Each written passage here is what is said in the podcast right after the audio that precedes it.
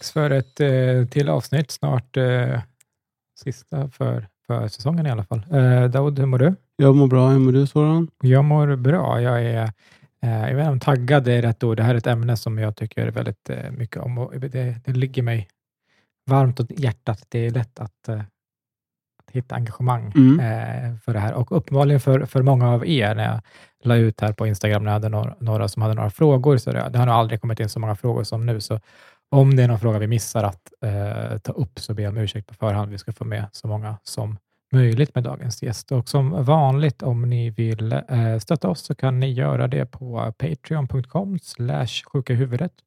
Eh, kontakta oss på sjukaihuvudet1gmail.com eh, och det är också stötta oss genom att bara lyssna på podden och ge sig så här, fem stjärnor, det här tyckte jag var bra och så där. Skriva kommentarer, berätta för folk om ni tror att de uppskattar det och sånt. Ehm, men, men nu är det, det dags för eh, att presentera vår gäst först, som är eh, Anders Nilsson, eh, legitimerad psykolog och forskar om spelberoende och problematiskt datorspelande. Och du har också just kommit ut med en bok om behandling av spelberoende som heter Behandla spelproblem med KBT. Ja, det stämmer bra. Välkommen. Tack. Vad, vad är, hur, finns det någon bra, vad är spelberoende? Ja, det, det finns ju förstås en massa olika liksom, så här, uttryck och definitioner. Och, alltså, speldjävulen är väl liksom första. Men, men spelberoende är ju då, då tänker man ju framförallt på det som kallas hasardspel, alltså spel om pengar. Då. Mm. Eh, Och egentligen heter den diagnosen på svenska hasardspelssyndrom. Mm. Eh, och sen brukar jag och mina kollegor och de flesta forskare prata om något som heter spelproblem och då är det lite vidare, det rör lite fler. Men mellan tummen och pekfingret kan man säga att det är när man eh, spelar eh, man spelar om pengar och eh, man får en massa negativa konsekvenser av det. Eh, ekonomin är ju det tydligaste, men också relationerna till andra och kanske jobb och eh, studier och sånt där. Och att man fortsätter göra det då, eh, trots, att, trots de här problemen. Det är liksom mellan tummen och Mm. pekfingret. Eh, spelproblem. Och sen den här diagnosen då, då är det liksom nio diagnoskriterier och så ska Mm. man uppfylla fyra. Och, ja, eh, sådär. Eh, så. och sen finns det ju då det som är lite separat men ändå närliggande är ju det här med dataspelande också. Som är lite om, mer omtvistat om det finns som diagnos. Det Mm. finns det är på väg in i det svenska liksom, diagnossystemet. Eh, något som heter då gaming disorder Mm. eh, på engelska. Men det har inte någon svensk översättning än. Men låt Mm. säga datorspelssyndrom då, om jag ska Mm. gissa vad det Mm. kanske blir någon gång. Och skilj, hur är de eh, lika? Min bild är att de skulle skilja sig en del. Ja, alltså de, är ju, de skiljer sig ganska mycket åt. Om man säger det, det viktiga kanske i... Alltså dels är det ju pengarna då förstås. Eh, de negativa konsekvenserna blir så allvarliga ofta när det gäller spel om pengar. Mm. Och det blir ju det väldigt snabbt. Eh, för att man kan liksom spela bort flera miljoner på ganska kort tid. Och, ja, eh, folk lämnar, tvingas lämna hus och hem och tar sms-lån och sådär. När, Mm. när det gäller ja, datorspelande då så är det ju mer liksom att man kanske tillbringar mycket tid med att spela och det, det, man, då skulle man kunna göra någonting annat. Sådär. Mm. Men det är lite svårt att då dra gränsen för när är det bara ett stort intresse och när är det mer problematiskt. Så. Och, om man spelar så mycket att man struntar i att gå till sitt arbete. Ja, då Som kanske... inkomstbortfall. Ja, men precis. Ja. Det, det då kanske det börjar bli liksom problematiskt. Eh, och Det finns ju kanske de som liksom helt tappar andra intressen eller sociala kontakter utanför spelet. Och sådär. Mm. Men gaming eller dataspel är ju lite mer så här å ena sidan och å andra sidan. För det är också då, finns ju då vissa som kanske har svårt att skapa sociala kontakter men som har ganska lätt i spelet Mm. till exempel. Man har ju sett en del ungdomar då som kanske har man tänker så autismliknande, eller sådana drag eller såna, en sån diagnos. Att det kan ju vara väldigt svårt att Mm. Skapa nära relationer. Men det kan vara betydligt lättare i spelet. då. Men det är på gott och ont. Alltså hemmasittare har ju blivit ett sånt där Ja, begrepp som florerar runt mycket nu. precis. Eh, där måste man, ser man någonting där? Att det finns en ökad risk? Ja. Eller att det finns en korrelation mellan antalet hemmasittare och personer med spelberoende? Du, ehm, ja, det, det kan man nog tänka sig att det finns en viss korrelation där. Nu har inte jag sett någon riktig studie på det. Eh, sådär. Men, men det finns nog också en viss eh, bakomliggande problematik ofta där med kanske autism-liknande eller ADHD och sådär. Mm. Som också kan då, som kan uttrycka sig på lite olika sätt. Då. Kanske Mm. till exempel att man spelar väldigt mycket dataspel. Och, Mm. eh, sådär. För jag tänker att den, den kliniska bilden, att det är lättare Mm. kanske att ställa diagnos spelberoende än vad det är att, eller också tidsmässigt, att utreda för autism. Mm. Mm. Eh, beroende på när symptomen dyker upp i tiden. Liksom. Mm. Eh, vad- eh, ja, jag hade väl ingen fråga egentligen. Nej, men du sa till mig innan eh, vi spelade in och innan Anders kom också att du tänkte på så här, differentialdiagnostik mellan Mm. typ autism och eller tvång Mm. eh, och eh, alltså hur man vet vad som är vad då, Mm. eh, om man pratar på, på vanlig svenska. Eh, och eh, när någon kan vara spelberoende. Liksom. Mm. Att vad är det som styr? Vad är det? Är det ett tvångs... För det är, man kan ju också likna det det är någon slags tvångsmässighet i själva beteendet. Ja. Liksom, jag måste göra det Ja, här. ja, precis. Eh, och så. så det var väl kanske... Mm, Ja. precis. Nej, men, What he eh, said. det, det är liksom inte helt lätt. Alltså, det, finns ju nå- det finns ju en mottagning i Sverige som sysslar med dataspelande. Alltså en offentlig, lite mer, eh, om man ska säga, kvalitetssäker. Ja, det kanske finns fler. Det låter som men- att det finns några på svarta marknaden. Ja, men det är så här, med sådana här grejer, skärmhäls, eh, skärmvanor och dataspel, då, då finns det ju, det har ganska länge funnits några så här, folk som då eh, målar med den mörkaste penseln, om man Mm. säger så. Att, så här, och det är liksom mer åt nolltoleranshållet och det här Mm. förstör en hel generation och Mm. sådär. Och det, det är ju ganska, det är kanske inte alltid så seriös verksamhet. Liksom. Eh, Men, eh, men det finns ju en i Göteborg och den, eh, då har de väl märkt att ganska många har ju då autistis, skulle de säga, autistiska drag. De, jag tror att de är i snitt 27 år, de som söker sig dit. Så de är ändå vuxna då, Mm. men börjar kanske hamna i den åldern då många andra liksom, ja, har en karriär som börjar puttra igång kanske, eller eh, skaffa familj eller ja, eh, Mm. partner eller sådär. Och sen så märker de själva att, nej men vänta, jag liksom bor hemma hos mina föräldrar och Mm. spelar dataspel bara. Mm. Egentligen. Eller, eller kommer ingen vart med studier eller kommer ingen vart med jobb och sådär. Så Mm. det kan ju vara en, en ja, så. Och då har de ju märkt det själva. Och sådär. Men, Mm. men där är det ofta lite autistiska drag vad jag har förstått. Mm. Mm. Hur stort har du eh, spelat i dina dagar, varken om, om pengar eller datorspel? Nej, inte särskilt mycket alls Hur faktiskt. kom du in på, och du behöver inte säga om du tycker att det är jobbigt, Nej, men- väg, men liksom, Nej, men eh, det är ganska tråkigt. Jag, eh, fick, jag, var lite så här, jag är ju psykolog i grunden och sen så var jag lite sen med mitt eh, examensarbete. Mm.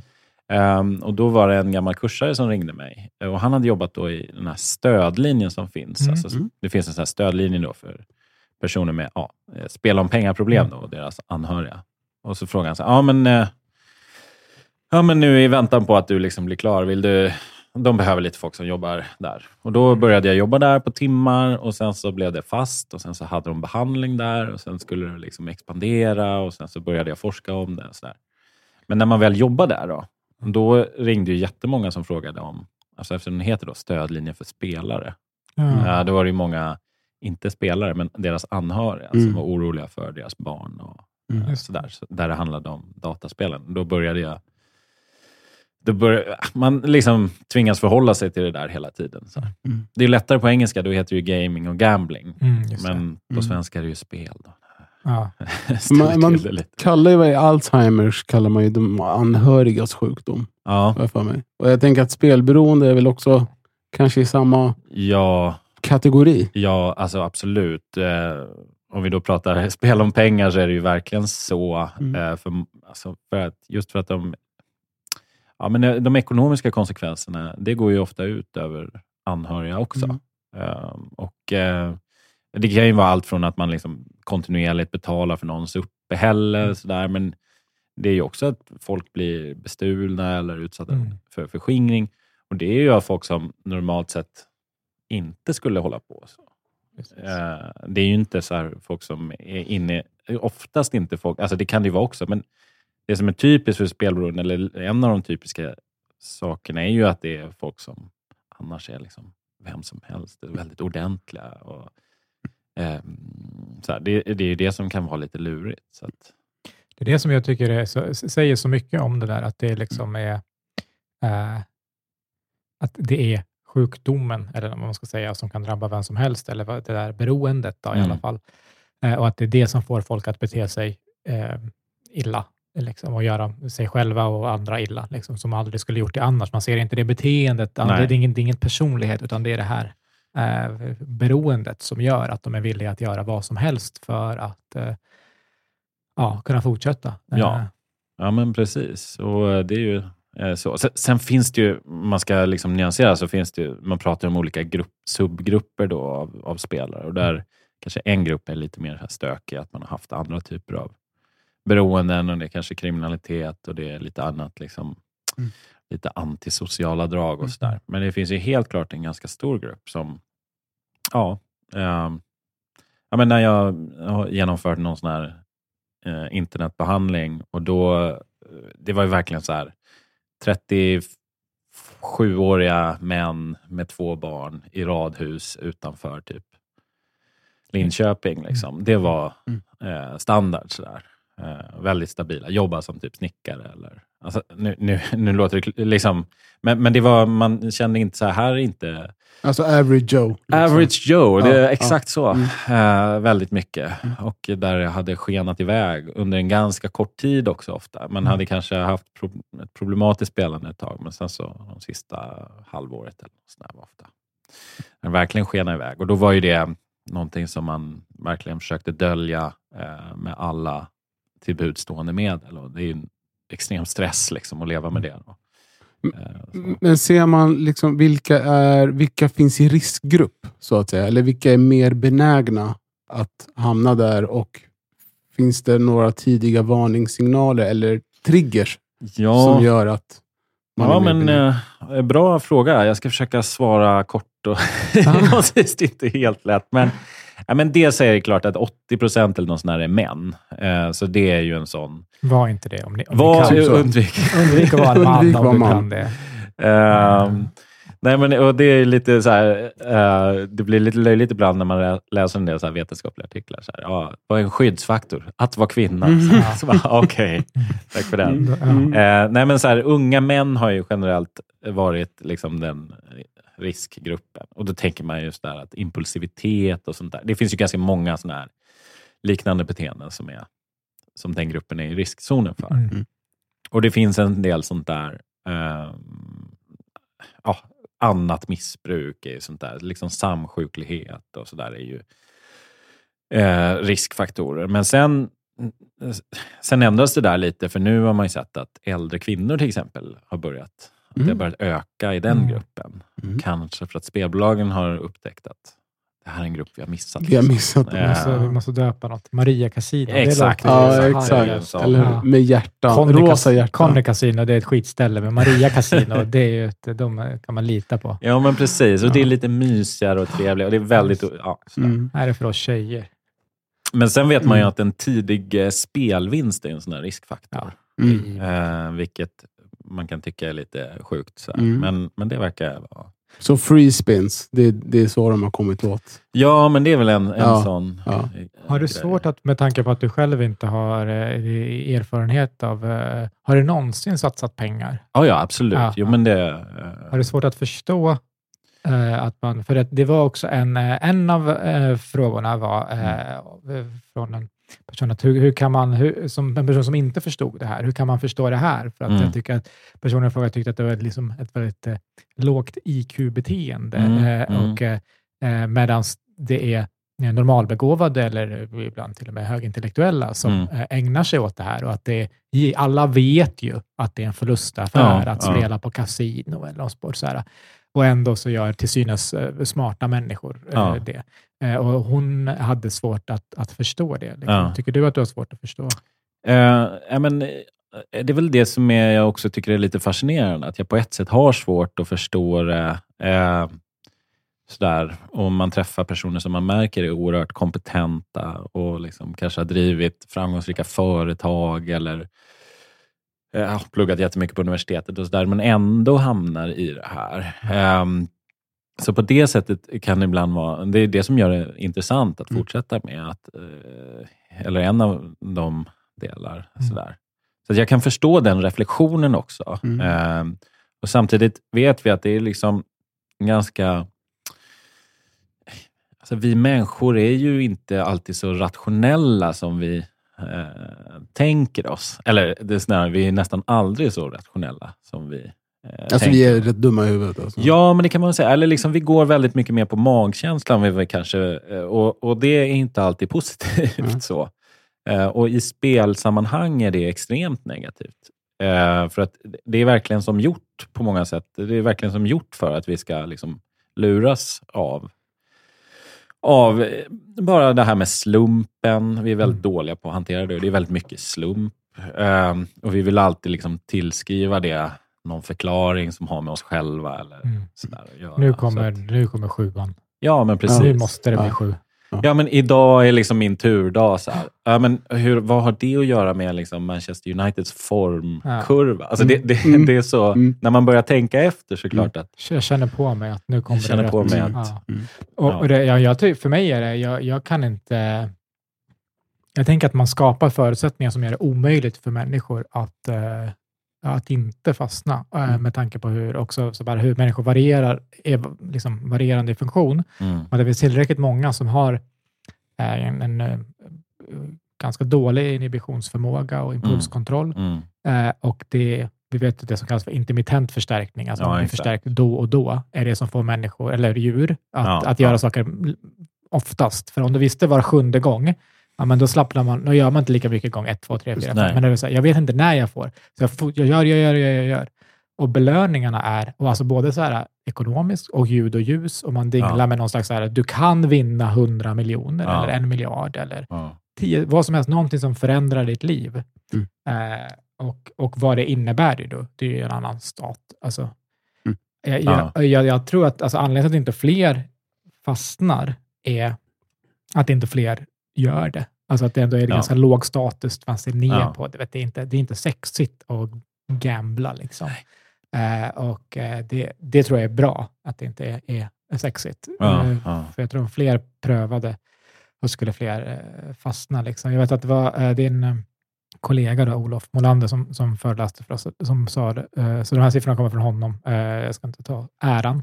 Men att det var att eh, 58 procent har satsat pengar under senaste året av Ja. svenskar. Vuxna svenskar. Jag antar att man räknar bort ja, precis. Det är Ettåringar och 18 sånt där. till 84 år. Eller något sånt där. Mm. Ja. Eh, ja, 85-åringarna är också skitsamma. Ja. Eh, Mm. och 22 procent någon gång i månaden. Och sen att det är 2 procent som bedöms vara problemspelare och Ja, ungefär 0,4 procent har allvarliga spelproblem eller var ja spelberoende. precis. precis. Jag tänker mig att det här, det här finns ett enormt mörkertal. Eh, har du, jag vet inte om forskningen kan besvara sånt, och, eller om du har någon uppfattning om så här, hur, hur stor, det är också en fråga, så här, hur stort är mörkertalet? Ja. Nej, det, det är svårt att... Ja, det skulle inte vara ett mörkertal, men, Nej, men kan man liksom, vad, vad tror man? att Nej, men jag tror att det finns en, eh, ett grundläggande problem med all sån här forskning idag och det är att vi har väldigt, mycket, väldigt svårt att få folk att svara på de här undersökningarna. Mm. Alltså, för liksom 20 år sedan så var det kanske 70 procent som svarade och nu är det kanske 30 procent. Eller Mm. någonting. Mm. Och vilka är det då som inte svarar? Ja, det är ju de grupperna där det kanske är överrepresenterat. Eh, Så där kan man ju eh, gissa sig till att det finns en överrepresentation. Sen försöker man liksom på olika statistiska sätt som jag inte ska redovisa för, Ja. både för att jag inte själv känner mig helt hemma där Mm. alltid, men också för att det inte ska tråka ut lyssnarna här. Men, men eh, man kan ju försöka justera för det, men det finns ju ändå liksom eh, en Felmarginal. ganska stor osäkerhet Mm. eh, när det gäller det här. Men, men som du säger, jag tror absolut att fler skulle fastna om man provade på. Det är ju väldigt många som aldrig skulle sätta sig framför ett, särskilt då de mer riskabla spelformerna, alltså nätkasino då, Mm. som ju är det liksom heroinet eller vad man ska säga. Mm. Ehm, där finns det ju någon sån där att av de som spelar någon gång i månaden eller mer så är det typ 70 procent som uppvisar tecken på riskabelt spelande. Liksom. Jag tänker också, i och med, alltså, apropå att man alltså får säga, i och med också att det har förflyttats till nätet, är ju både en tillgänglighet, att jag hela tiden kan göra det, Mm. alltså när som helst på dygnet, och eh, att det inte är riktiga pengar.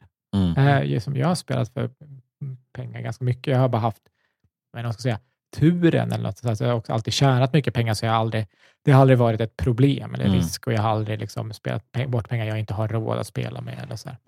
Men det är ändå eh, det är en jätteskillnad att Mm. spela. Det, det står bara siffror där på en Ja, skärm. Eh, eller så har du så här handen och går och säger, jag vill lämna in den här kupongen här till dig i butiken. Mm, Liksom. Eh, det finns också en social skam i det. Alltså Ja. så, så att om man spelar för jättemycket pengar till någon som säger till någon så här, hej, nu vill jag säga 10 000 på det här, då är det så här, man är rädd för att kanske, kanske oroa sig för vad de ska säga, tycka, Mm. tänka, andra ska göra.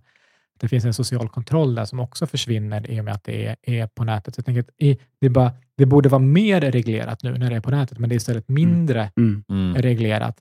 Eh, och det absolut, absolut sjukaste. Och det här, alltså spelbolagen gör vad de, det som är tillåtet. De fuskar ju inte, så Mm. jag tänker att det är staten som är, är, är problemet. Eh, att de inte reglerar det. Det här är min personliga åsikt bara. Men att man, om man vinner, det är ju ingen som vinner. Liksom. Men om man vinner, Mm. ja då stänger de av en. Mm. Då är du inte Ja, välkommen också- att spela mer. Alltså, de har ju gjort allt som är odds alltihopa. De är bäst på att säga det är alltid i deras favör. Huset vinner liksom Mm, på sikt mm. och mot alla. Och trots att de har enorma vinster och vinner mot alla spelare, finns det någon spelare då som liksom lyckas vinna mot dem på ett så här, det spelar roll, alltså pengar, Mm. hundratusentals kronor, mycket pengar liksom, Mm. för en individ, men inte för dem. Då är det så här, nu får du bara spela för, du får bara satsa två kronor åt gång, eller så minskar det liksom drastiskt, så man, man antingen inte får spela, och de har rätt att göra det, så det är inte deras fel. Men du vet, hur är det här? Det är som att det här man inte får räkna kort. Mm. På, Mm. alltså innan när jag, man såg det på film, och så, man får inte räkna, det är fusk och det är någon som fuskar. Så här. När man fattar vad det är de gör, det är ju det är ingen, vadå fusk? De memorerar Mm. svinmånga kortlekar Ja. så att oddsen hamnar jämnt. Så att då vet de vad är sannolikheten, för nu vet de att så här många kungar har gått, vad är sannolikheten att det finns ett till klätt kort kvar? Liksom. Mm. Det är bara det de, de gör. Det är Egentligen är det inte fusk. Jag trodde att man liksom visste, för du får på något sätt reda på vilket kort som kommer härnäst. Mm. Och att det är tillåtet att då så här, du får du gå härifrån. Om Mm. du sitter här och försöker att eh, jämna ut oddsen, Mm. då får du inte spela. Du får bara spela om du ska... Om eh, du ska förlora på Ja, sikt.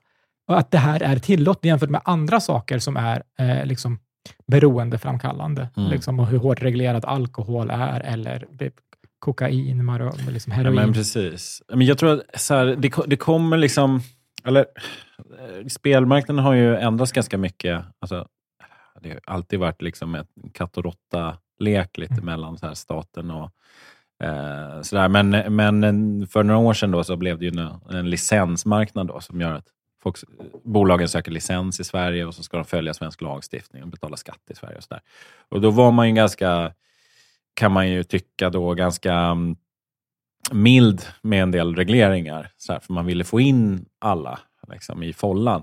Och nu eh, ser man ändå att man försöker skruva åt lite så här, tumskruvarna eh, för spelbolagen. Så här, för att successivt liksom, göra det lite mer. Men, men de stretar emot ganska mycket Mm. kan man säga.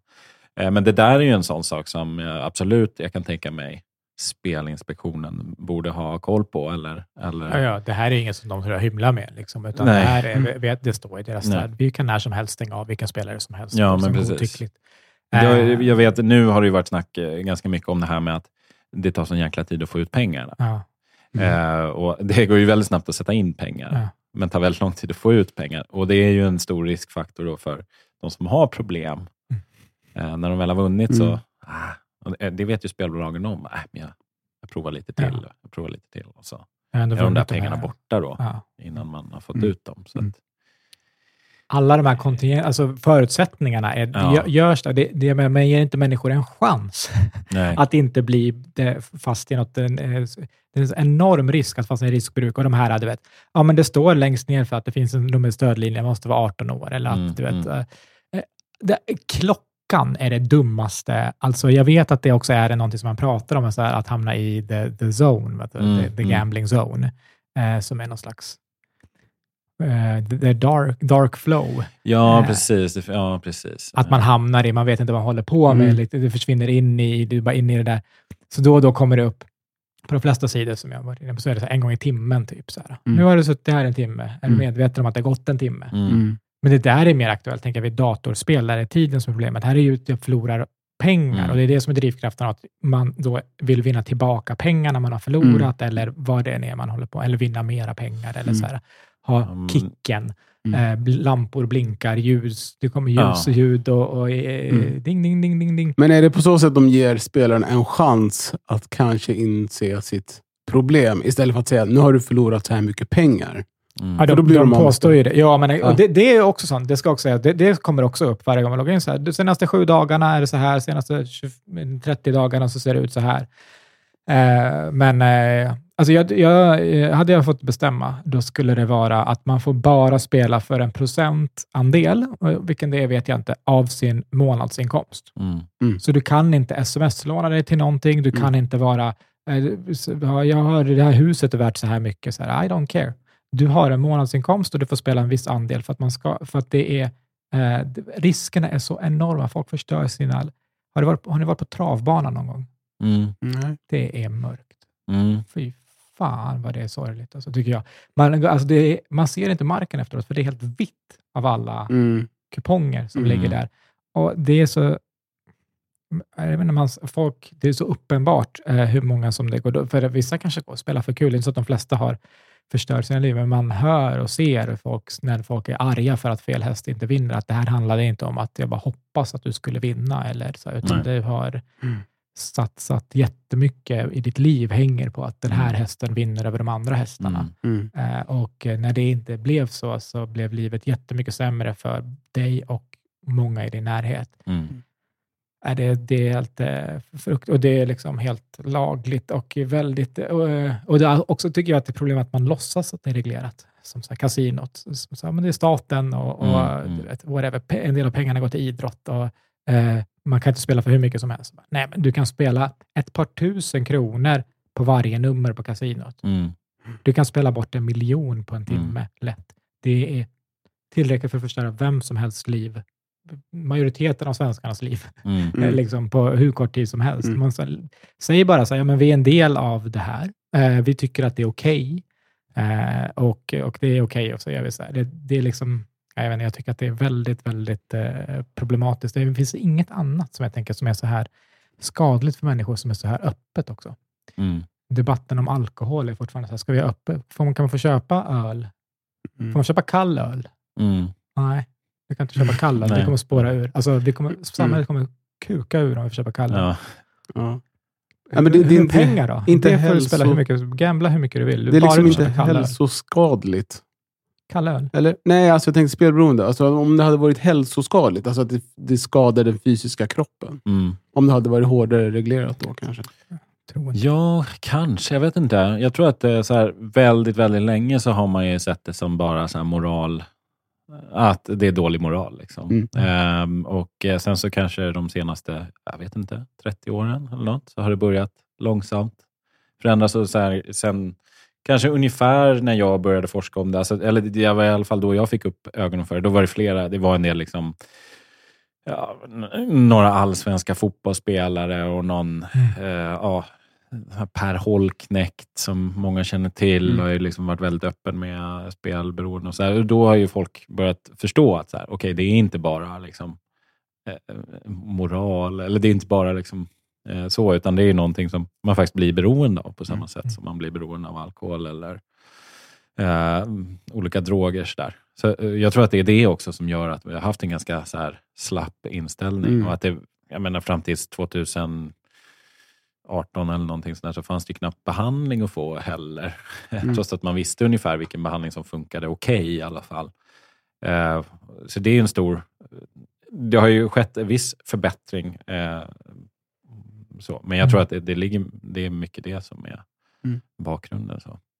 Och Apropå då behandling, och du har också just släppt en bok som handlar om det och ja. vi har också många av, eh, en, en hel del av frågorna handlar om det. Så där, hur ser eh, hur blir man av med det, har någon frågat. Hur ser Mm. forskningen ut vad gäller effektiva behandlingsprogram och, eh, och eh, ja, hur, eh, hur ser det ut? Ja, det är ju det är då kognitiv beteendeterapi, KBT, som är liksom rekommenderat, men också som är mest beforskat. Det är ju där, det är mycket därför. Och det är det man eh, försöker jobba med mest. Och Det är ju en behandling som Alltså, har man stött på KBT någon gång så vet man ungefär hur det ser ut. Det handlar ju mycket om att liksom kartlägga problemet och att, vad fyller det för funktion och hur känner man när man spelar och vad händer innan? Alltså vad är det för triggers och så där? Vad får det för konsekvenser och så där.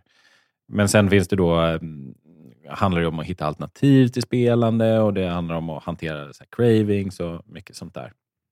Ehm, och Det som kanske är lite specifikt då för spel eh, spel om pengar jämfört med andra eh, diagnoser, att man jobbar rätt mycket med så här som kallas för tankefällor. Alltså, vi tenderar ju, framförallt de som har spelproblem, tenderar att ha ganska mycket så här, ja, helt felaktiga tankar om spel. Så här, mm. Om tur och slump. Och, eh, men också sånt här lite svartvitt tänkande och lite magiskt tänkande. Och så där. Det har vi alla, men kanske ännu mer då om man har spelat väldigt mycket. Mm. Eh, sådär. Så man jobbar mycket med det. Och så finns det lite olika varianter på det här KPT. Då, att man, en del går individuellt och andra går grupp.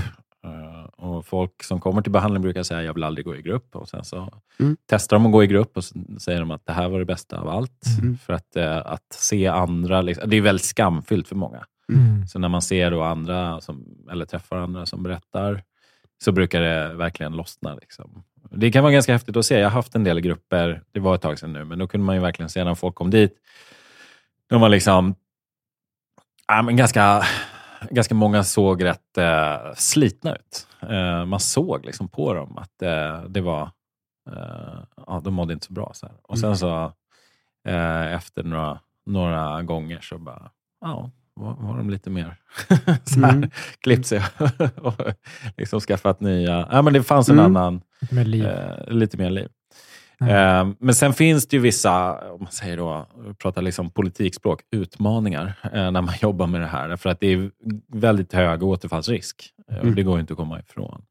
Och Det har ju också att göra med det här med pengarna. Så att Alltså om du, om du har alkoholproblem och slutar, slutar supa, då är du liksom på sätt och vis av med problemet. Mm.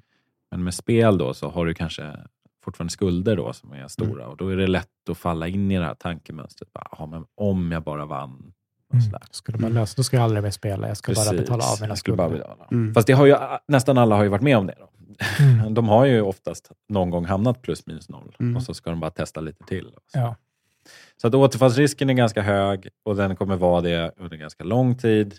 Ja, men så här, behandlingen går ganska... Man kan lura sig själv som behandlare och säga så här, det här gick ju snabbt och jättebra. För många lyckas hålla upp ganska bra i mm. början. Mm. Och Sen är det då utmaningen på längre sikt. Och Då är ju inte alltid våra liksom, eh, om man säger våra kommuner och regioner och så där, de är inte jättebra på det här när folk har liksom pendlar lite. Man vill gärna ha det så här lätt paketerat. Så här, mm. Nu får du åtta sessioner här och sen så mm. Eh, skrivs det ut och sådär.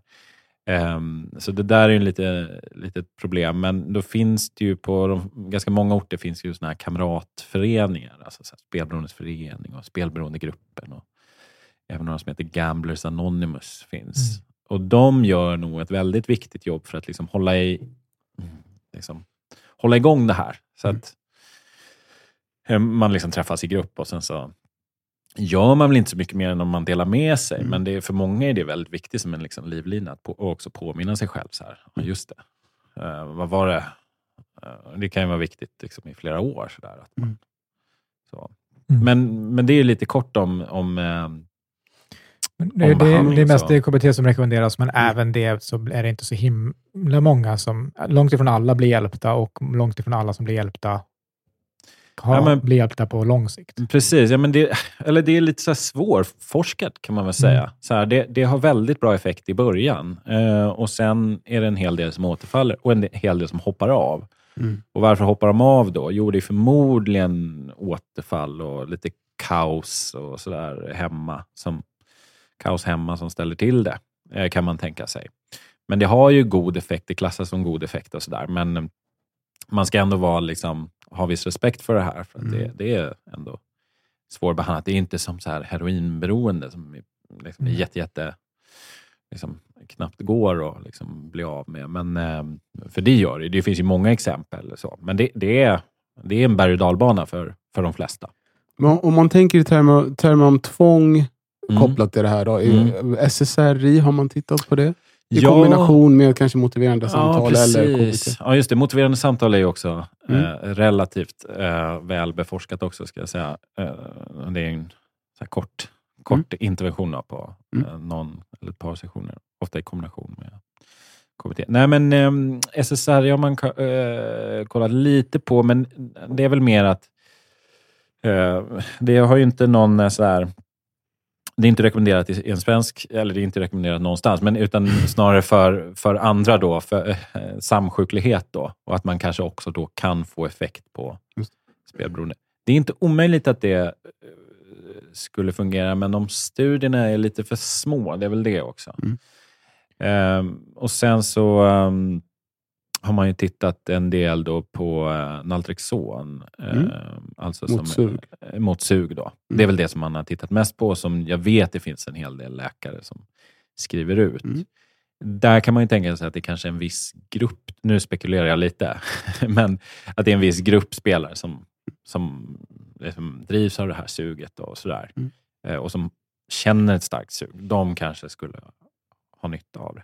Mm. Men det är inte heller då rekommenderat liksom av ja, eh, så här, i Socialstyrelsens riktlinjer och sådär. Men Jag, jag tänker bara kunna säga ha- saker man kan göra hands-on, alltså, eller som är alltså, aktiva åtgärder för Mm. att minska eller reducera risken för återfall. Mm. Eh, att eh, få hjälp att stänga av sig själv ja, från de här hemsidorna. precis. Finns det någon tanke kring det? Ja, men det, alltså dels så finns det ju eh, någonting som heter spelpaus.se. Och då stänger man ju av sig från alla licensierade bolag Mm. och eh, man ska heller inte få någon marknadsföring från dem. Eh, det, jag har hört exempel om att folk har fått det ändå, men i princip verkar det funka ganska bra. Mm. Eh, men eh, folk har ju tyvärr en tendens, det beror ju lite på hur liksom tech, eller så här, hur bra man är på att googla. Man säger så. Det finns andra bolag också, eh, tyvärr, som då inte är på den svenska marknaden, men som har svenska hemsidor och som är, är ganska shady, eh, får man nog säga. Mm. Ehm, och de kommer man ju inte åt på det sättet. Nej. Där kan man ofta stänga av sig, men det är inte säkert. Ehm, så. Och då finns det andra sådana här, det finns ju lite eh, programvara då, så här Gamban och Betblocker tror jag det heter. Mhm. Lite dålig koll på varumärkesnamnen här, men, eh, men det finns en del sådana som funkar ganska bra, särskilt om man har en eh, Android-telefon. då. funkar sämre på iPhone, tydligare. tydligen. Det här vet stödlinjen mycket om. Mm. jag vet lite mindre. Ja. Ja, men det finns lite sådana verktyg. Sen, sen tror jag att man ändå måste... Det beror ju lite på hur en spelande ser ut. För en del funkar det här...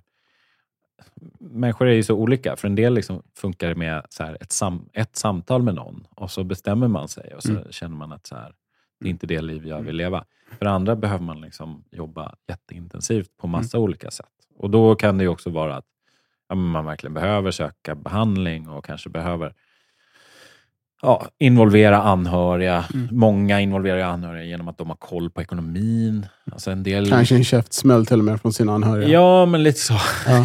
Ja. men en del är ju sådär, de har inget, de har inget betalkort. De, Mm. har inget, Mm. de vet inte koden på sitt bank-id. Alltså Mm. på den nivån. Det finns Eh, en, en eh, första hjälpen vid spelproblem. Som, eh, att det är både att man då, och då ingår att just alltså berätta för anhöriga, Mm. begränsa möjlighet till spel, lämna Mm. över sin ekonomi typ, eller blockera, ja, Mm. blockeresprogram, blocka sig Ja, själv. precis. Och sen hitta alternativa aktiviteter. För Ja. att man måste ha något annat. Mm. Man kan Precis. inte bara inte spela Nej. all den tiden som du spelar. Och så här, ja, då ska du inte göra det, utan man måste ha något att göra den tiden. Mm. Eh, Exakt. som är, eh, men, eh, men eh, du var inne på det med, med anhöriga, eller, ni, Ja. men, men då tänkte jag på det du, alltså, när du eh, disputerade med. Då Mm. gjorde ni fem stu- studier och kollade på hur det var om man blandade in anhöriga i behandling. Mm. Eller hur? Hur, vad, kan du berätta om det och vad kom ni fram till? Ja, ja, men det var lite... Det var um, precis. Vi genomförde flera olika studier, jag och några kollegor, där vi tittade på ja, men dels anhöriga som gick själva då, i ett program. Det var eh, också internetbaserat. Ehm, och då, för, då, för då ville den, liksom den som hade spelproblem, då, spelaren om man säger, eh, ville inte gå i behandling. Mm. Eh, så då vände vi oss bara till den anhöriga. Och Då såg vi att ja, men de mådde bättre och sådär, men eh, det fick ingen effekt på själva spelandet. Så, Eh, och så brukar det vara i de här studierna. Ehm, och Sen tittade vi på ett som man kan väl lite förenklat säga var en så parbehandling över Mm. nätet. Då. Fast det var inte bara par, utan det var då föräldrar, Nära. barn Ja. också. Det var vem som helst. Liksom. Den som spelar och någon i närheten. Precis. Ehm, och eh, där fick vi väl en... Alltså de, de anhöriga var väl nöjda och vi såg vissa indikationer på att de också mådde bättre. och så där. Vi fick inte heller så stor effekt på själva liksom, spelandet och Nej. sådär. Men det har också att göra med att alla slutade spela i princip. Alltså, det är det låter där som är... jättebra effekt. Ja, exakt. Ja, Men det är båda, vi skulle jämföra två grupper. Ja, ja, ja. och så fick, slutade alla spela. Då är det svårt det. att liksom... Man kan inte säga att ena är bättre. Utan det var, Nej, precis. Bara, ah, nej, men det här var, det var bra. Det andra var också bra. Ja, just det. Eh, och det, så är det ofta i liksom, spelberoendebehandling, att man går från att spela för typ så här, 1000 kronor om dagen i förlust eh, till att spela för noll kronor Mm. om dagen. Och då är ju så här, det är jättebra. Men vad är liksom effekten av behandlingen? Det är, lite, Mm. Det. det är svårt att liksom reda ut. Mm. Men det man kan säga är ju också att anhöriga så här, är ju ofta en väldigt viktig... Vi gjorde ju lite en kvalitativ studie och sådär. Att anhöriga var ju väldigt viktiga för att söka behandling. Eh, och mm, ibland, eh, liksom, ibland mer eh, uppmuntrande och ibland lite mer pushande, eller ja, tvingande. Eller sådär. Och det där kan ju gå lite eh, åt båda håll. En del ja, Eh, Sådär. Men, men det man, vi också försökte jobba lite med, att många anhöriga kan ju ha den här tendensen att man liksom möjliggör spelarna. Alltså man täcker upp, betalar väldigt mycket räkningar, eh, man kanske ljuger för utomstående och sådär. Och det där är klassiskt i allt så här beroende eh, tillstånd, att anhöriga liksom av välvilja, men gör, agerar på ett sätt som kanske får motsatt effekt. Mm. Eh, Så man försöker undervisa lite kring det, att man försöker tänka på ett annat sätt och så.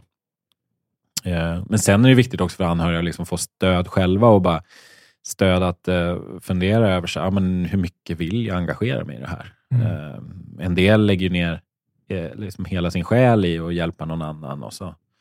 Men behöver kanske reflektera lite över, så här, "Jaha, men vänta nu, vad vill jag? Liksom? Hur mycket vill jag hjälpa till? Mm. Eh, och andra, andra anhöriga ja, kommer man behöva jobba med så här, hur, hur liksom går man från att bara skälla på någon eller så där till att ha en lite mer så här konstruktiv ett konstruktiva samtal eller konstruktiv dialog. och Mm. så där. Vad kan man göra istället för att... Ja, men så här, hur, kan, hur kan man hjälpa en person? Det är väl så, på Mm. bästa sätt. Eh, Har du något, eh, nu, nu, eh, jag tänkte inte ta det nu, men nu när du Mm. sa det så, så passar det fint att eh,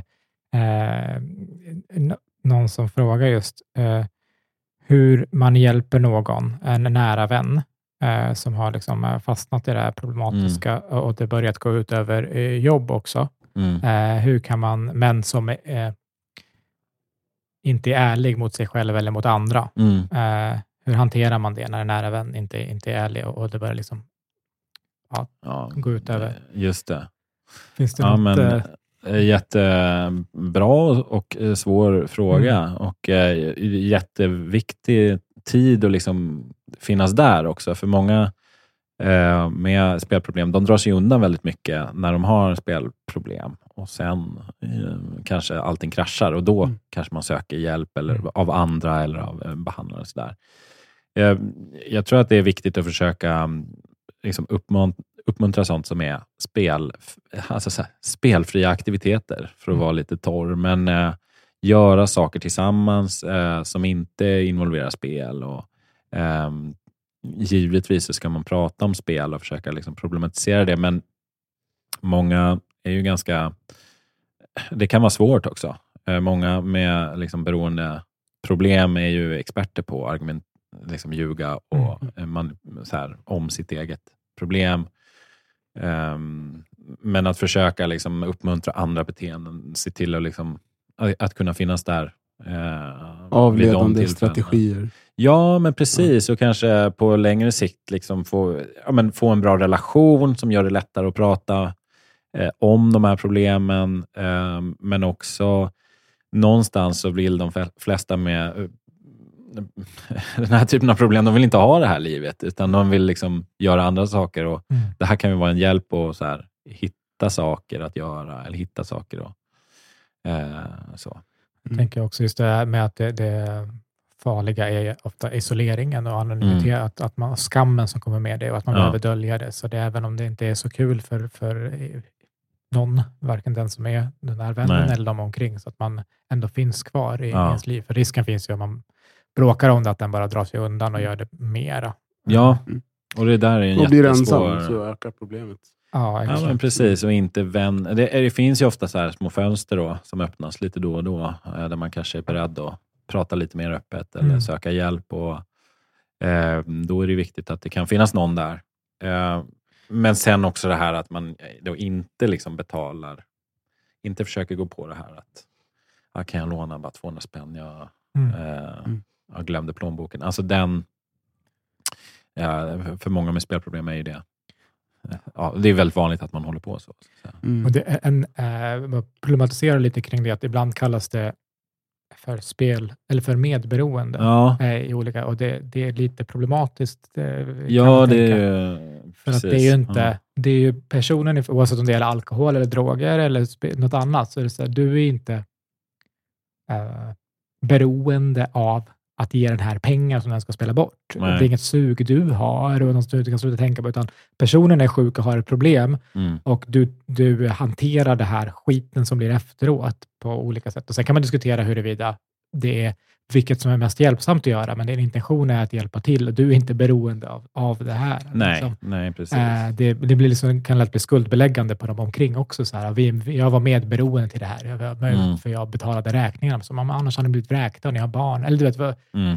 det, det är inte att vara... Eh, det finns något, Det man kan problematisera i alla fall kring det här. Det är inte helt... Eh, Mm, Ja, men mer kanske hanter, alltså en typ av ångesthantering. Alltså i Men den också kanske rent situationen. praktiskt. Det är inte Ja. kanske ens ångesten, utan det är bara så här, det här är vad som behöver göras Ja. eh, för att annars så kommer det här och det här hända. Mm. Och de konsekvenserna är upp, liksom bedömer jag vara värre än eh, att betala. Alltså liksom så.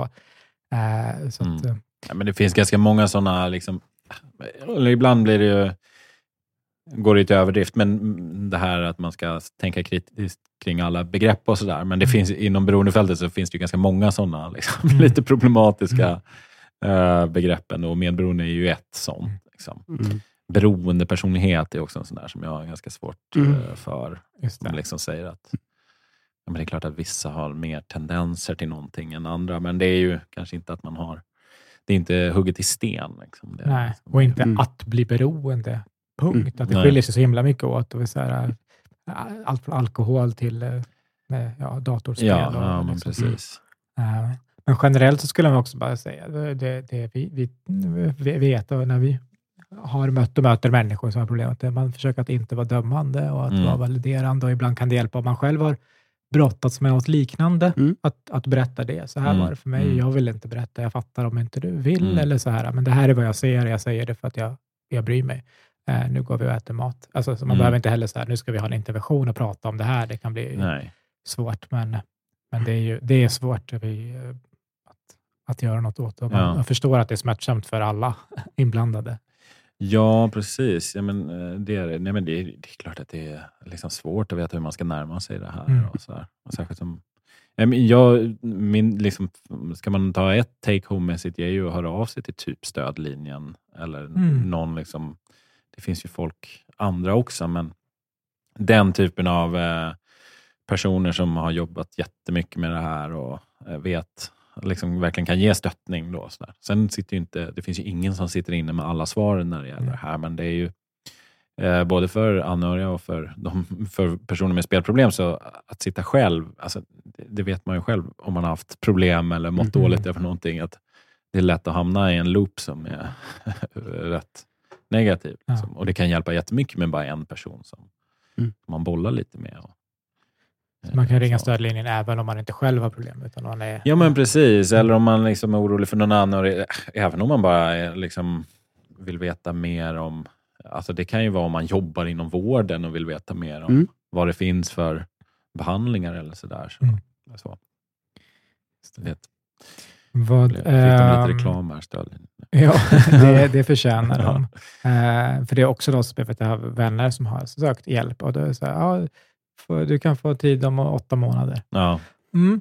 Men Ja, grejen ja, vi hörs som jag lever eh, då. ja det är eh, det. för Ja, att det är det, är det här ah, akuta. Liksom. Ehm, Mm. hur, sen är det en del som har frågor, både liksom föräldrar och folk som jobbar på skola, som både lärare Mm. och annat, som med, med barn och då är det mera datorspelande. Mm. Ehm, jag ska se om jag kan sammanfatta det, kanske drar flera stycken, så får vi se om vi liksom kan diskutera kring dem. Men eh, hur förhindrar man att ett barn blir spelberoende? Det är barn i nioårsåldern som spelar online-spel, även sexåringar på skolan spelar Fortnite Mm. och att vuxenvärlden inte är så bra på att begränsa alltid. Eh, som eh, misstänker skadligt begå sina elever och har vänt sig till primärvården med utan att få hjälp. Vart Mm. kan man vända sig? Finns det någonstans? Och eh, finns det, är det risk, eh, skiljer sig risk och missbruk kopplat till datorspel från andra beroenden, till exempel droger, alkohol, spel om pengar och så vidare?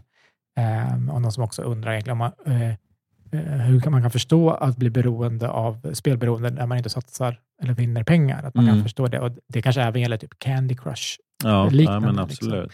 Det är väldigt mycket olika saker här, Ja. men, men liksom vad, eh, hur, ser- ser man, hur ser det ut för barn som spelar dator tidigt? Vad ska man hålla utkik efter? Alltså det är klart att mm, till att börja med kan man säga att det finns inte så mycket liksom, vård och behandling för det här. Mm. Eh, jag tror att söker man till någon vårdcentral eller ehm, barn och ungdomspsykiatrin eller så, där, så står man ju ganska handfallen inför vad man ska göra om man upplever att det här är ett stort problem. och så där. Och eh, Det är ju också så att vi inte riktigt vet eh, vad, var gränsen går och Mm. eh, sådär. Och, eh, men det man kan säga är väl att det finns, de studier som finns är ju lite spretiga kan man säga. Och det är lite, ett sånt där forskningsfält där folk är lite arga på varandra för att Mm. man tycker ganska olika här. Så att, men det man, har- det man kan säga är att det, det är ingen jättetydlig koppling mellan hur mycket tid man lägger ner på dataspelande och eh, liksom graden av problem. Alltså folk kan spela Mm. ganska mycket utan att nödvändigtvis ha så stora problem i livet i övrigt. så. Eh, och, ehm, men det man kanske ska hålla utkik efter, och det kan ju vara svårt att veta, men det är ju när folk spelar för att liksom undvika negativa känslor. Eller, så. alltså när, när man använder spelandet som ett flykt Mm. eh, från någonting som känns jobbigt eller negativt. Och så där, då har man sett i ganska många studier att eh, det där verkar ju vara eh, en eh, ja, det, det verkar vara en riskfaktor. Och kanske att man då förvärrar de här negativa problemen och eh, så. Ehm, jag har svårt att liksom ge någon sån här rekommendation. Så, här, så, si och så mycket borde man spela, si och så mycket, eller det och det spelet eh, eh, eh, så där, passar i den åldern. Eller så där. Men, men, men jag tror att det man väl... eh, Och det, är ju en, det låter ju som en riktig sån här eh, skolkuratorgrej att säga, men det är ju den här balansen mellan... Alltså man, man, man, gör någon slags så här, eh, tårtbitsmodell eller Mm. kostcirkeln, fast när det gäller aktiviteter så barn behöver ju ganska mycket fysisk aktivitet, kanske mer än de flesta barn får idag, eller många barn får.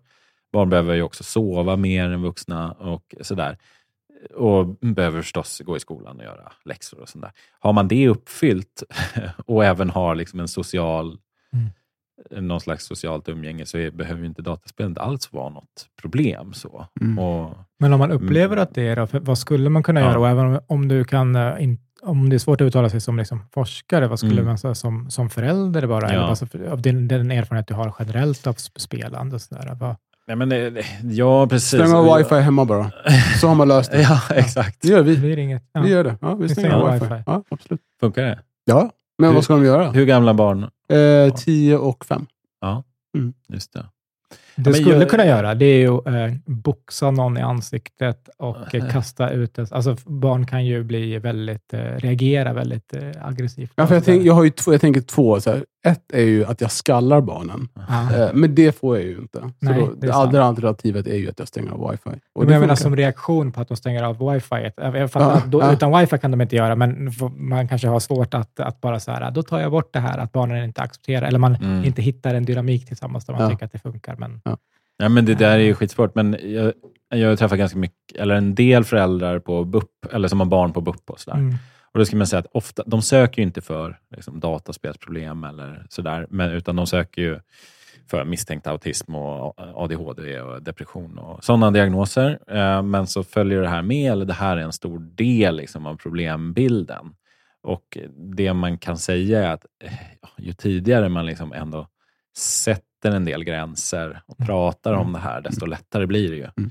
Börjar man när, man när barnen är 14, då är det ju liksom, ja, då, då har man ju svårt att sätta Mm. emot. Mm. Ehm, och, och Det är lätt att säga i efterhand, men liksom om man börjar prata om det här, kanske också så här, intressera sig för... Det handlar ganska mycket om att bygga en bra relation Mm. också. Eh, om man intresserar sig också, om det här är ett stort intresse för ens barn, om man själv intresserar sig lite för spel, Mm. spelen, Mm. då är det kanske lättare också att diskutera det. Så här, ja, men vad, vad är rimligt?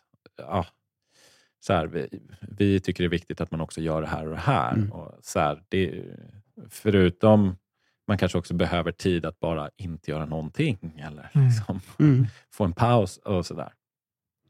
Men sen finns det ju då en risk att, alltså, ja, eh, så. Och sen vet vi att det finns en del, det är lite paradoxala är att de som spelar allra minst också har eh, ganska höga nivåer av så depression och sådär. Mm. Att det finns någon slags U-kurva då, eller Mm, eh, mm. verkar det. Därför att det är kanske de som har svårt att Ja, men de kanske har andra svårigheter helt enkelt Mm. och eh, kanske har svårt att... Eh, ja, ja, men väldigt mycket av det sociala livet kan, för många är ju i dataspelen eh, och eh, så. Eh, så att det kan ha en positiv effekt också för liksom, hur man mår, att man får en viss interaktion där. Så, Just det. Mm. eh, Om man då har varit, eh, inte kunnat sätta gränser tidigt, och Mm. för det är någon, några sådana som har hört av sig också, och vad man Mm. gör med så här, unga vuxna barn som har varit som är 16, 17, 18 kanske till och med, så liksom, mm, eh, 19, eh, och eh, men- bor hemma hos, men det kan vissa beskriva kan sitta i liksom veckor nästan och, och liksom skita i allt annat då, Mm. under den tiden, skola, hygien. Mm, mm. Eh, finns det någon hjälp? Att, för det är så, primärvården kan man inte gå till. Vet du om det finns någon hjälp? Ja, ja, men jag, det finns ju en, och- det finns ju den här mottagningen i Göteborg då, som Mm. drivs av ehm, ja, Sal, en del av liksom Salgrenska och sådär. Och, eh, de är ju ganska nystartade, men de, jag, tror att de, jag tror att det är 16 års gräns där. Mm. Ehm, och de har ju då distans eh, Ja. Men eh, ehm, jag är lite osäker på hur det är liksom för anhöriga och sådär. Um, Men det kan vara värt att kolla upp Men det är absolut värt att kolla upp. Mm. Mm. Sen eh, finns det en, en, eh, ett företag i Linköping, men det är ju liksom privat och då får man ju betala själv. Det finns väl flera företag, men ett som jag känner till väl, om man säger så, som verkar väldigt seriösa och bra, det heter Reconnect. Mm. Och det är en, eh, framförallt, ja de är flera, men det är en då drivande, Oskar eh, Foldevi, och eh, han har också gameat ganska mycket själv och eh, har ett... Eh, de har också haft en del e-sportare med och liksom, eh, hållit föredrag och eh, sådär. Så att jag tror att eh, det, kan, det kan ju bidra till att göra det lite mer inte kännas eh, så, som en helt annan värld, utan att man kan känna igen sig lite grann. Sådär. Um, och de jobbar ju både med anhöriga och, ehm, och liksom, dataspelare. Mm. Sådär. Men, men det är ju ganska skralt eh, sådär. Också Ja. för att vi inte riktigt vet vad vi ska göra.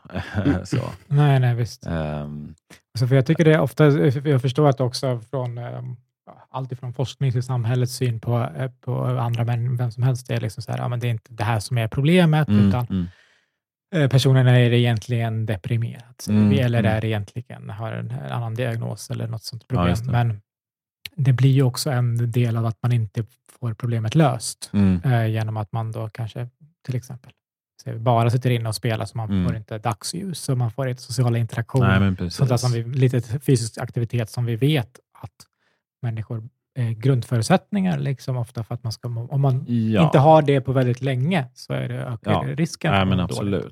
Så att den är liksom, eh, det, det, det, jag tycker det är lite grann likheter med spelberoende, alltså hasard, liksom Mm. om, om pengar, att det finns ett, en akut alltså, så, så här, Först, eller lite som även anorexia, så här, men ät.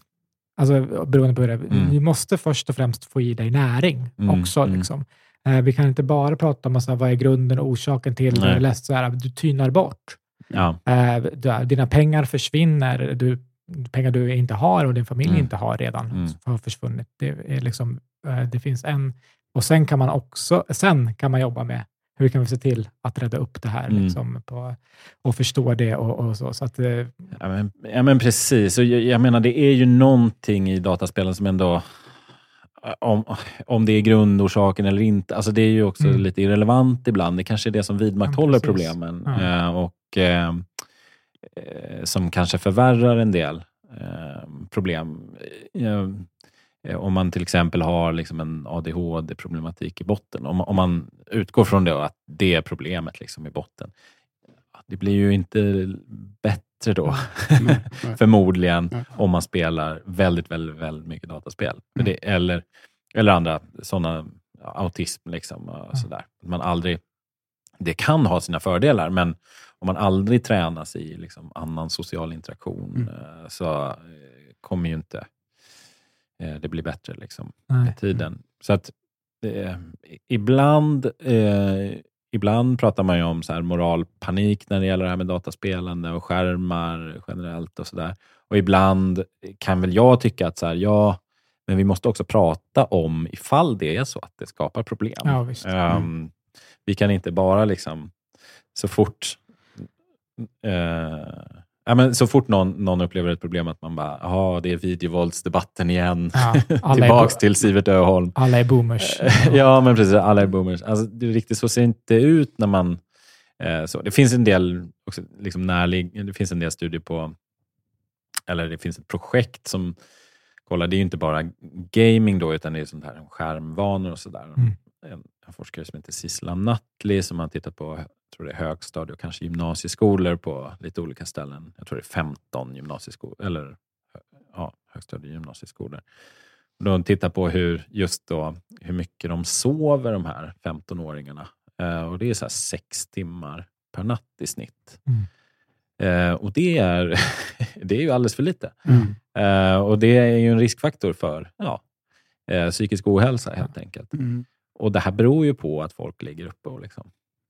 Chattar eller gamer eller sådär. Mm. Och det är klart, vi måste ändå prata om det här. Mm. så. Att det är inte kanske skärmtiden direkt, men vad det indirekt leder till att man exakt. därför sover man inte och gör annat. Och det är Ja, men man- precis. ja. Precis. Slår ut hungerkänslorna också, mäter kanske också nattetid. Ja, man kanske, ja precis. Och ersätt, ja, men precis. Mm. Ehm, Energidryck och så vidare. och det är inte så att alla kommer drabbas jättehårt, men Mm. kanske på en aggregerad liksom, folkhälsonivå så kanske det är ett gäng som Mm. trillar dit som inte skulle ha gjort det annars. Ehm, så. Och på individnivå som alltid så är det helt skitsamma hur många på gruppnivå som... Ja. Alltså det är lika smärtsamt och jobbigt för den, Ja, den och de som, som påverkas. Liksom. Exakt. Hur kan man förstå det här? Då? De frågade hur man kan bli liksom beroende av sånt som man inte satsar pengar och vinner. Då, och och eh, liksom hur, likheter, skillnader mellan datorspel och, och eh, ja, andra Ja.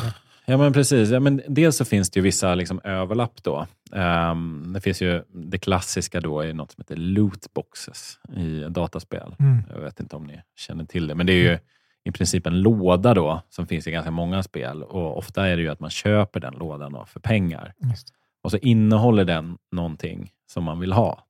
Mm. Men det är ju ett lotteri då, eh, vad det är. Mm. Ofta är den ganska så här, mer, som, ja, nu har inte jag stenhård koll på alla spel, men ofta är den ganska så här, för spelets utveckling ganska meningslös eh, sak. Alltså det kan vara en uppgradering som ser snygg ut, på någon, Mm. alltså någon sköld som ser snyggare ut, men den, får inte, den blir inte Bättre. bättre. Mm. Så, och det där har man ju sett att det finns en koppling, att vissa liksom fastnar i det här lootboxandet. Mm. Man har föreslagit ordet lootlådor på svenska. Tycker jag. Det låter, ja. Vissa Men- grejer ska man inte översätta bara. Bara Nej, men det är tills ni har en bra... Eh, men eh, hur som helst så, eh, vissa har ju då tydligen tendens att fastna i det här, eller, eller gör det. Och man har också sett då att det, det verkar vara lite en brygga över till spel om pengar-problem och spel om Ja. pengar generellt. Mm. Och det finns ju andra sådana eh, fenomen då som är, är lite överlapp. Då. Det finns något som heter skins betting, alltså att man Ja, det är olika typer av liksom spel om olika ja, man säger, liksom uppgraderingar eller man ska säga, i, i spelen. Mm, så mm. också, att det finns liksom, Booster Alltså packs. skal... eh, Ja, eh, exakt. Ja, Eh. Ja, annan precis. utformning av skalet. Ja, precis. Och sådär. Och där har man också sett att det finns. Men sen, sen är det klart att ehm, det, vi vet mycket mindre om eh, de exakta mekanismerna när det gäller att, om man nu ska kalla det beroende då av dataspel eh, jämfört med... Alltså vi vet redan när det gäller spel om pengar så vet vi mycket mindre om, än, om, än när det gäller liksom, alkohol och Mm. droger. Så. så här är ju liksom ytterligare ett steg där vi vet ännu, äh, ännu mycket mindre då, Mm. om de exakta mekanismerna. Eh, och vi har ju inte ehm, ehm, riktigt heller det här, i spel om pengar är det ju väldigt, den här, väldigt mycket den här intermittenta förstärkningen som vi pratar om. Alltså den här slumpen, så här, när kommer det? Och, sådär. och den har man inte riktigt samma... Alltså det är klart att det finns massa slump i ett dataspel, men eh, väldigt mycket bygger ändå på att eh, ja, skicklighet sådär, eh, på ett annat sätt än spel om pengar. Spel om pengar kan ju, ja, det finns nyanser i det här, men Mer som golf då? Eh, Ja. Att jag kan det på, alltså, att det, alltså på vilket sätt som golf kan vara, nu tog jag skulle kunna vara beroendeframkallande. Jag vill slå bättre, jag vill, Ja, liksom göra, ja, be- jag ja. vill göra igen och göra bättre och bättre och bättre. Och, och folk vill, ja, det finns ju andra begränsningar att man inte kan golfa dygnet runt, men liksom att Ja. det, det finns nog en del som skulle göra det om de kunde. ja, men det verkar ju också finnas Ja. en sån. Eh, och det kan ju, vissa kanske det är bara för att fly hemifrån, men för vissa är det kanske själva liksom, slå på bollen. Ja, Eh, ja. Mm.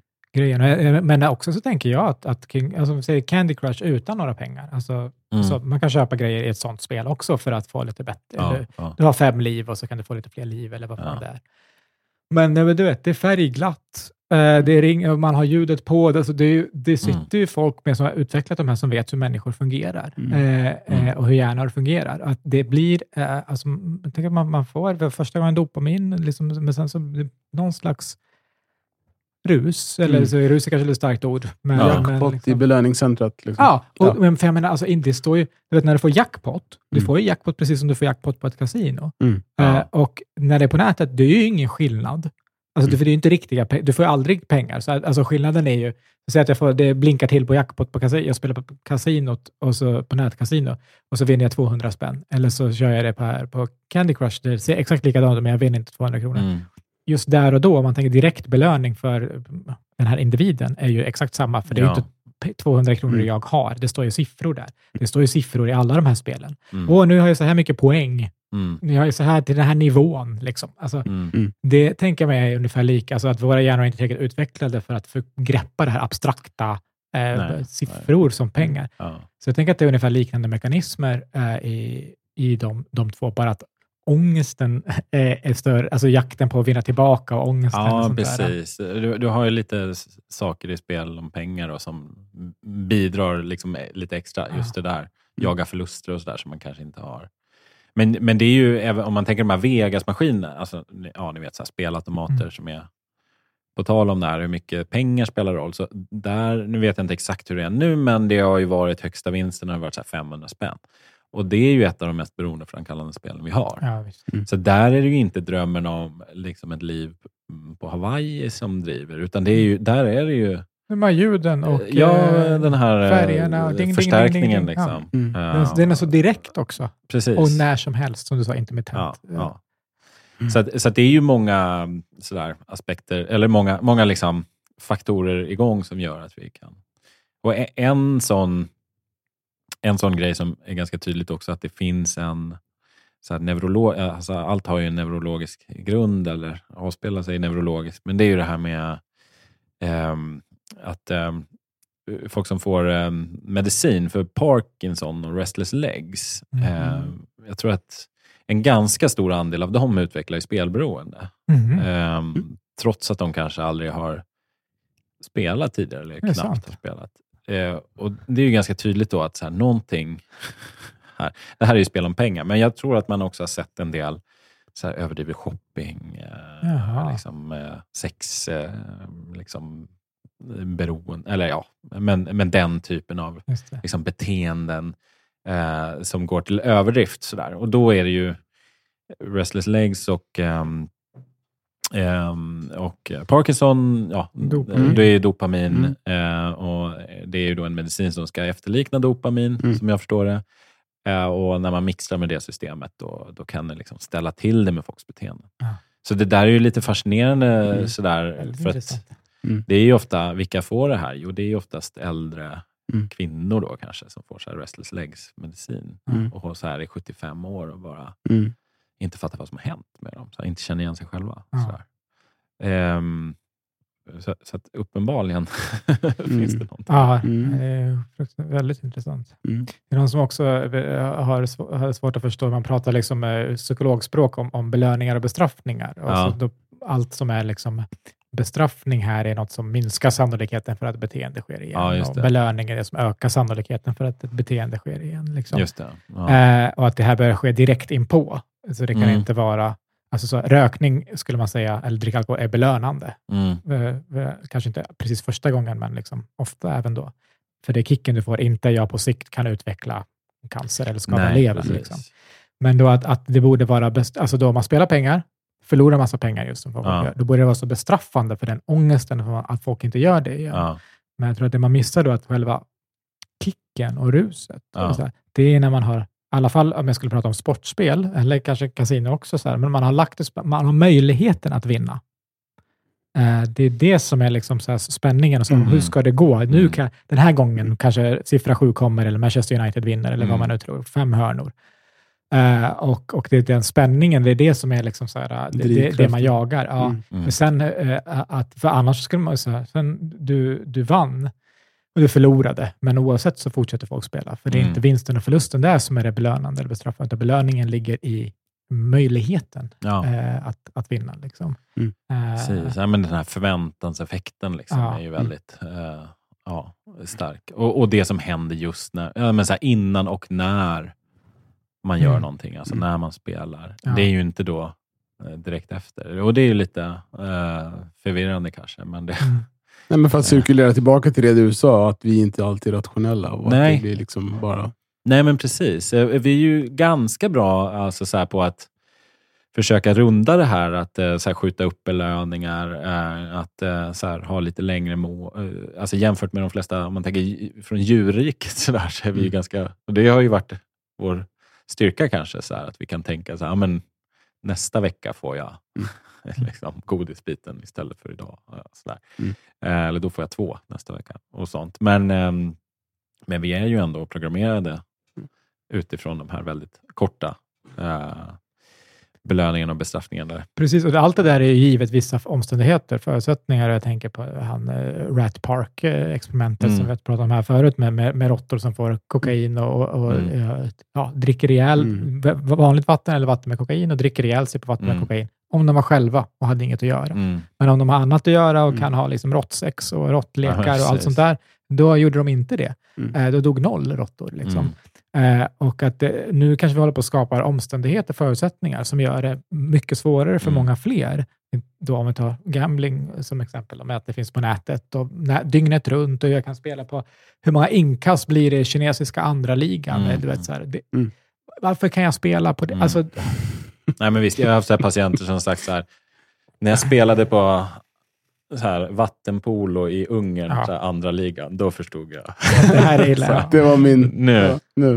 eh, det här, Precis, att det, det, ut. det, så det, det, Och jag skrattar, eller bara Ja. skrattar, men liksom, Ja. det är jättemånga då som, som gör det. Ja, det är ja, ja, därför de här visst. spelen finns. Och, Ja. under pandemin så började det komma så Ja, här, för det. fanns ju allting dog ju i princip. Det fanns Ja. ju ingen sport, det fanns otroligt få ligor som höll på. När man spelade på så här marble runs, alltså kulor, som åker gjorde så här kulbanor, så Ah. kunde man säga vilken kula som kommer vinna och sånt där. Mm, just det. Är så här vitryska hockeyligan. ja, men de- exakt. de De, var, de höll stadigt, de höll fortet så att säga. De kunde man lita på. Ja. Eh, eh, helt enkelt. Ja, det är intressant. Hur, eh, det var någon som också har undrat, inte om det finns något svar på det, men bara lyfta det, här att de här Jack Vegas-maskinerna, varför de alltid Ja. ställs ut i liksom problemområden, Ja. folk med låg socioekonomisk eh, status. Men, Mm, nej, men det, har väl med... Alltså, det är lite konstig lagstiftning. Det är tanken att eh, man måste ha utskänkningstillstånd. Då. Det är Mm. därför det är pizzerior. Mm. Eh, och Det är inte självklart, för man tycker att kopplingen mellan alkohol och spel är inte Mm. klockren. Å andra sidan, då, så, i Finland till exempel, då är det i alla så här köpcentrum, eh, Mm. och bensinmackar och massa sånt. Eh, Så då är det ännu mer tillgängligt då för barn och sådär. Eh, och då har det ju varit en... ehm, ja, jag, jag, ja, nu vet jag inte om jag vet exakt, men jag tror inte man har liksom... Det finns inte så stor efterfrågan på de här typen av liksom sunkpizzerior i rika områden. Så att eh, de har eh, frodats eh, i liksom utsatta områden. Ehm, och det har inte funnits någon reglering av det där Mm. egentligen. Jag tror att så här, kommuner och eh, länsstyrelser eller så där kan avslå eller föreslå av, att man avslår. Liksom. Eh, men man har inte alltid gjort det. Och de, de här maskinerna är ju, har ju i alla fall varit, nu har man infört begränsningar på dem och så. När jag började var ju de det stora problemet, det är de ju inte riktigt längre. Men det var ju också så att de var extremt lukrativa för restaurangägarna. Så ofta kunde man se i såna här överlåtelseannonser att maskinerna betalar hyran, stod det. Mm. Och då visste man, ah, ah, okej, så här. Uh, att säga, hyra på 300 000 om året. Ja, eller det det, det fick man in cash. på maskinerna. Mm. Alltså, allting annat kunde man ta på pizzorna och ölen. Mm. Och så. Ja. Finns det någon siffra på eh, det, hur mycket en spelberoende gör av med i snitt? Oh, nej, alltså det varierar nog extremt mycket. Det finns ju folk som inte gör av med så mycket pengar men ändå har problem. Men eh, ja, det här finns säkert eh, statistik. Vi vet ju från de som eh, söker behandling på ett ungefär. Ja. Och flera studier där jag har varit, jag säger inte att det här är liksom någon sanning så, men flera studier där jag har varit med om, då har, det, då har de själva uppskattat i alla fall att ungefär 1000 kronor om dagen har de förlorat den sista tiden. Så det är liksom 30 000 i månaden då som Mm. har förlorat. Eh, Men det där kan ju vara väldigt stora Mm. Såklart. eh, skillnader då. Det, så här, beror ju, alltså jag har ju haft spelberoende patienter som till exempel har jobbat på bank och sådär. Mm. Och som har då förskingrat pengar från banken. Då blir det mer än tusen kronor. Eller har det varit eh, Mm. sådär 20 miljoner på tre år och sådär. Mm. Eh, som man spelat bort. Då. Ja. Eh, så att det finns ju sådana summor. Men ehm, det blir lite så här... Man, eh, spelberoendes förening och sådär, de gillar ju inte att man pratar om summor så mycket för att då blir det som att man Många Ja. som kanske har problem, men som inte har spelat bort så mycket, känner att så här, ah, men jag har nog inga problem. Jag Nej, inte- Att man, Det är inte summan som spelar roll. Nej, det är ju inte det. Kontroll. jag har 19 miljoner kvar. Ja, exakt. Ja, exakt. ja. Jag spelar bort en miljon och jag har 19 kvar. Ja, för att det verkligen är problem. Nej, fan. Ser Det bra ser ut. man ju med alla som är, blir väldigt, väldigt rika, eller det ganska många ju, som också kan förlora alla sina Ja. pengar. Du, vet, Ja. så här, du är världens rikaste boxare och har en, en, Ja, miljard och sen har du inga pengar. Alltså Nej. det, är, Ja. man, allt det är ju relativt. Man spelar, Ja. spelar bort så mycket man kan. ja, men Eh, precis. är, eh, sen är, det finns kanske ingen svar på den här frågan, men eh, finns det någon som, en lyssnare frågar om, om- finns det någon som haft ekonomisk nytta av att vara spelberoende, alltså om någon går plus och säger då till exempel om man är poker eller då, nu stoppar jag en, eller bettingproffs. Mm. Är det bara någon som är spelberoende, som är mer framgångsrik spelberoende, Mm. eller är det människor som kan hålla det isär? Eh, ja, du. Eh, man kan väl säga så här. De som, har problem, de som inte har problem kommer ju inte heller i... har inte jag stött på. Eh, utan jag har ju haft problemfokuset. Men jag har ju träffat ett par då före detta, om man säger pokerproffs, eller ändå som har kunnat livnära sig på det. Som har haft problem eh, och som har haft väldigt stora svängningar. Men sen finns det ju folk som har livnärt sig på poker och eh, sådär. Det är väl framförallt poker. Ehm, och eh, det är ju en lite annorlunda spelform på det sättet att man ju spelar av pengar från andra spelare. Det är Mm. inte så mycket Mm. spelbolaget man spelar mot, vilket det ju är i de allra flesta fall annars. Ja. Mm. Eh, så där finns det ju folk och då har det ju varit sådär. Eh, men Det finns ju också folk som liksom risk, som är skickliga pokerspelare som också riskminimerar på ett sätt. Det handlar ju mycket om det då. Mm. Eh, Och då är man ju inte, då har man ju svårt att eh, eh, uppfylla kriterierna för Ja, det du sa i början med, med liksom. kriterier med beroende. Att det, Ja, det är ju liksom den här kontrollförlusten som är Mm. eh, viktig. Men, men jag hade ju en, eh, eh, en bekant som är, när det var verkligen pokerboom, då satt de fem killar, eh, gick upp så här klockan fyra på morgonen och så satt de och spelade tillsammans fast var liksom uppkopplade mot varandra och spelade av pengar från fulla amerikaner som kom hem Ja, eh, från krogen. Så. Eh, och sen så gjorde de så att de delade på pengarna, eh, liksom ett snitt över månaden. Liksom. Och det var ju väldigt så här, systematiskt. De Mm. satt i fem timmar om dagen. Eh, de kunde ju, det var väl inte, jag vet, inte helt lagligt kanske, men det var ändå så här, de betalade skatt och liksom Mm. eh, la undan pengar. och eh, eh, sådär. Så- Men det är ju ett annat sätt än vad man tänker sig när man tänker liksom poker. Ja. Eh, sådär. Men, precis, men det går att vara, det är liksom som, som du var De hade det- svintråkigt ska jag säga. Ja, ja. Det De som sitta- hatade det. Som att sitta och trada. Liksom. Ja, ja, Det ja. Att, ja, det sitter bara och gör det här Ja. jobbet. Eh, Mm. Men det, det är bra timlön. Liksom. Ja, men precis. Mm. Eh, ja. Nej, men så det går att vara framgångsrik på spel utan att vara eh, beroende. Det är lite definitionen, att man, som du sa i början också, att man fortsätter trots att det skapar Ja. problem liksom, för en Mm. själv. Och jag menar, om det inte gör det, utan du sitter och gör det här 8-10 timmar om dagen som något annat jobb, och, eh, så behöver det ju inte, inte vara det. Men, eh, Det är en sån väldigt, väldigt liten grupp då, eh, får man ju ändå säga. ja. liksom, som och de har- spelar mot, eh, i väldigt stor utsträckning, ska jag säga, mot andra. För att om Ja. man lyckas vara bra mot huset, som sagt, då har vi kommit till då- huset stänger nej, av då dig. Mm. Så är det nog. Ja. Eh, ja. Ehm, Mm. Nej, men, nej, men precis. Det, det är ju liksom... eh, Det fanns ju en tid då många drogs med i just poker. Det är väl framförallt det som... Mm. Och där var det många som hade en snabb uppgång och ganska snabbt fall. För att om man var hyfsat duktig på poker, så i början kunde man spela av folk mycket pengar. Och sen eh, de som blev hela tiden förlorade, de la ju av. Mm. Och så helt plötsligt var det bara ganska duktiga kvar. Och då var det ju många som förlorade väldigt mycket helt Mm. plötsligt. då. Eh, Så att det, ja, eh, många liksom i min, eller liksom vår generation om man säger, Mm. har ju varit, var ju med då och kanske tyckte att det gick jättebra i början. Och sen, Som Mm. också är liksom gro, grund, bra ställe att, att hamna i beroende, att det går bra, man vinner, man märker Ja, vad härligt, ja. vinna pengar och, och den, eh, vad ska man säga, det är otroligt förstärkande. Eh, Mm, man ja, så. Du, har, har, du går någonstans ett, ett tag och, och vinner och så har du massa pengar i handen också. ja. Ofta. Mm. ja, och kanske var liksom 19. Ja, exakt. Och exakt. De andra kompisarna jobbade typ på ett lager. Ja, det här vill jag ha mera av. Ja. Eh, den här. eh. Ja, det, är det något eh, du tycker att vi har missat att ta upp? Eh, Nej, alltså man kan ju prata om det här väldigt, eh, väldigt eh, länge. Liksom. Men jag tror att vi har täckt de, jag tror att vi har täckt de viktiga Mm. bitarna kring det här. Ja, stort eh, tack för att du kom hit till ett väldigt viktigt ämne som uppenbarligen Verkligen. engagerar eh, många, inte minst eh, mig. Eh, och om man då vill ehm, så veta lite mer om det här så har du just släppt en bok, då har Anders släppt en bok, Mm. alltså, som vi sa i början, som heter Behandla spelproblem med KBT, Ja, precis. som man kan eh, beställa Ja, precis. på Eh, en bokhandel. Ja, alltså den ges ju ut på studentlitteratur, Ja. eh, alltså via deras hemsida, men också de här Adlibris och Bokus och så Mm. där finns det. Mm. Oklart om den finns i en fysisk bokhandel, det kanske inte riktigt är den breddprodukten.